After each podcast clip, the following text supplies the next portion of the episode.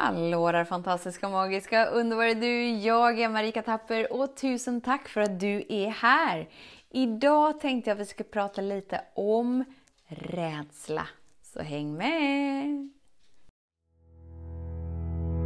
Så den stora frågan är, hur lär vi oss att älska oss själva utan att vara egoistiska och självgoda? Det är frågan och denna podcast den kommer ge dig svaren på det och mycket mer. Mitt namn är Marika Tapper och varmt välkommen till Hemligheterna bakom att älska sig själv.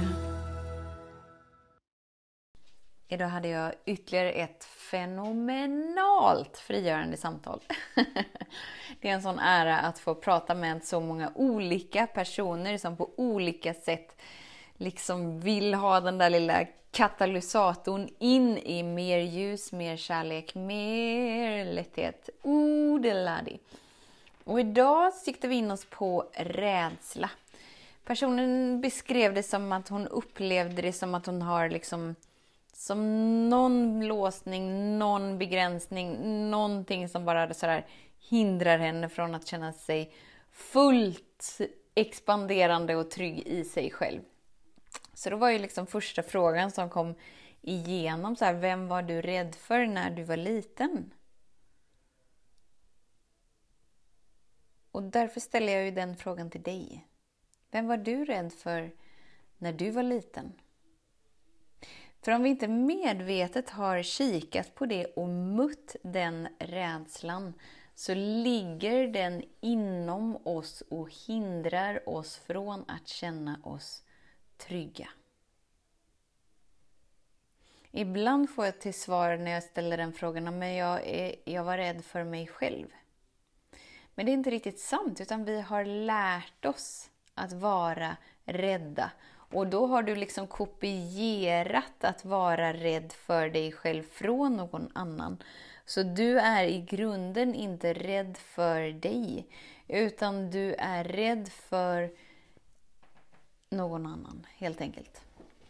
Oftast så är det någon som står oss väldigt nära och det är ju oftast när vi är väldigt små. Så den här rädslan har ju liksom legat med oss där i alla år, helt enkelt. Så um, mamma, pappa, mormor, morfar, farmor, farfar, kusin, släkting, alltså någon person. Och när vi kikar på det här så gör vi inte det för att skuldbelägga att någon har gjort fel. Utan vi gör det helt enkelt bara för att vi är så redo att vara fria i oss själva och därigenom fria att uppleva tryggheten. Så vad händer då när vi kommer i kontakt med rädsla som vi inte tillåtit oss att känna? Ja, det första som händer är ju att andningen blir lite sådär mer intensiv. Kroppen kanske börjar skaka, kroppen kanske börjar frysa. Tårar börjar rinna. Alltså på olika sätt så bara sker det ju omställningar i kroppen. Och det vackra med de här processerna är ju att när du tillåtit dig att känna det du inte tillåtit dig att känna så är det ju inte där. Tänk dig en liten, en liten eh, bebis som skriker för att, eh, för att den har slagit sig kanske. En, eh, vi kan säga att den är ett år och precis liksom eller precis, det är ju lite olika, men kan liksom gå, ta några steg, tjabba tjäna lite hit och dit, kanske har lärt sig springa något steg och så bara ramlar de. Vad gör barnet? Jo, de gallskriker om de nu fick ont. Vi förutsätter att de fick ont i det här exemplet. Vad händer sen? Sen är det inte där längre.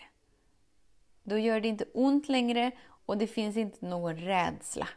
Utan de bara är full fart upp, på igen och bara gör det de ska göra. Och precis på samma sätt är det när vi känner det vi inte tillåtit oss att känna som vuxna.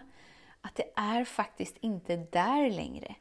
Det innebär att du ställer om dina nervbanor. Du ställer liksom om ditt nervsystem till att fungera annorlunda. Det gör att du upplever dig annorlunda. Du är annorlunda. Du har uppgraderat hela ditt system genom att tillåta dig att känna det du inte tillåtit dig att känna. Vad är alternativet? Jo, alternativet är ju att vara rädd i olika situationer. Du kanske är rädd för att misslyckas, du kanske är rädd för vad andra tycker och tänker om dig. Du kanske är rädd för att prova nya saker. Du kanske är rädd för... Hmm, känna dig tom, ensam, vilsen. Och då försöka bygga ett liv uppe på det är ju antingen att vara till lags, bli en dörrmatta, vränga sig själv ut och in. Eller hela tiden vara i presterarmode och hela tiden sikta på nästa titel, nästa, nästa resultat, nästa, nästa, nästa, nästa. Det blir ju en evighetsloop av ett jagande där du aldrig kommer ut i en lättnad. För mig var det alternativet omedvetet. Vilket alltid är omedvetet. Men när jag återkom till platsen av att jag var sjukskriven för att kroppen inte orkar med och att det dessutom blev värre och värre för varje gång jag blev sjukskriven så kände jag att det här funkar inte för mig. Och först såg jag det som ett straff för att jag var inte lika stresstålig längre och jag hade inte lika bra minne längre och jag kunde inte göra saker så som jag kunde göra längre. Men sen insåg jag att det var ju gåvan i allting. Gåvan i att inte längre fungera som en robot som bara kör på, matar på. Utan jag var tvungen till att vara ödmjuk. Jag var tvungen till att vara inkännande. Jag var tvungen till att lära känna mig på mina promisser, vad som funkar för mig. Så känn efter i ditt liv, vem var du rädd för när du var liten? Och om du får upp en person sådär spontant i huvudet och det gör någonting med din kropp, den kanske spänner sig eller din andning blir ytlig eller du biter ihop dina käkar eller du känner liksom ilskan välla fram eller på något sätt om det berör dig att tänka på en person.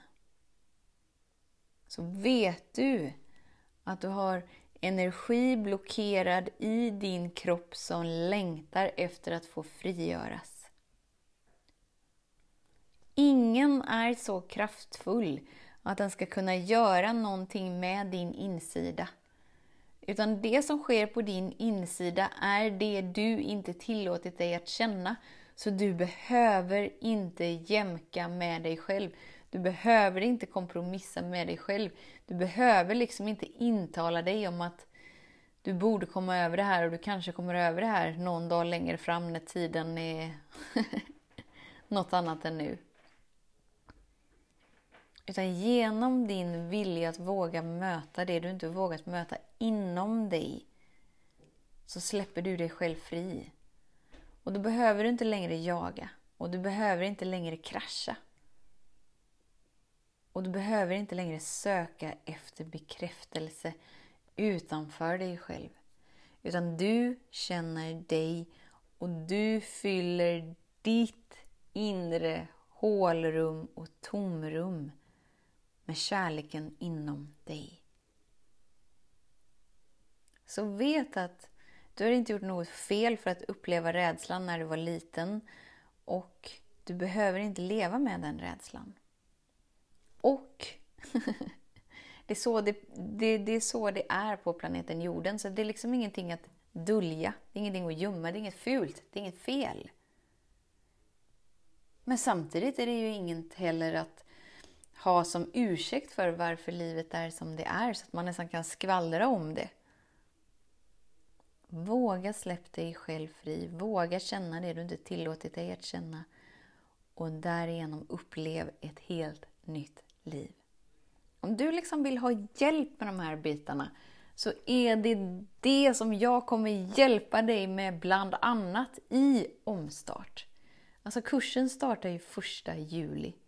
Du kan starta en helt ny riktning i ditt liv där du är förankrad i dig och du kan starta första juli. Jag finns med dig i tio dagar.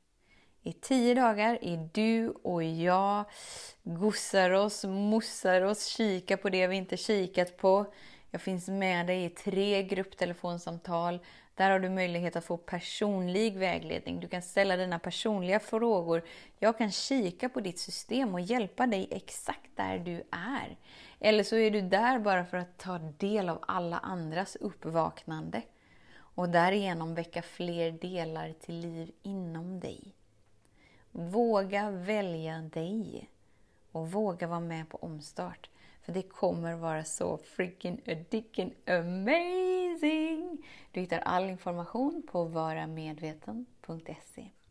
Tusen tack för din vilja att vara här. Vet att jag ser dig, jag hör dig och jag älskar dig. Tills vi hörs igen, var snäll mot dig. Hejdå!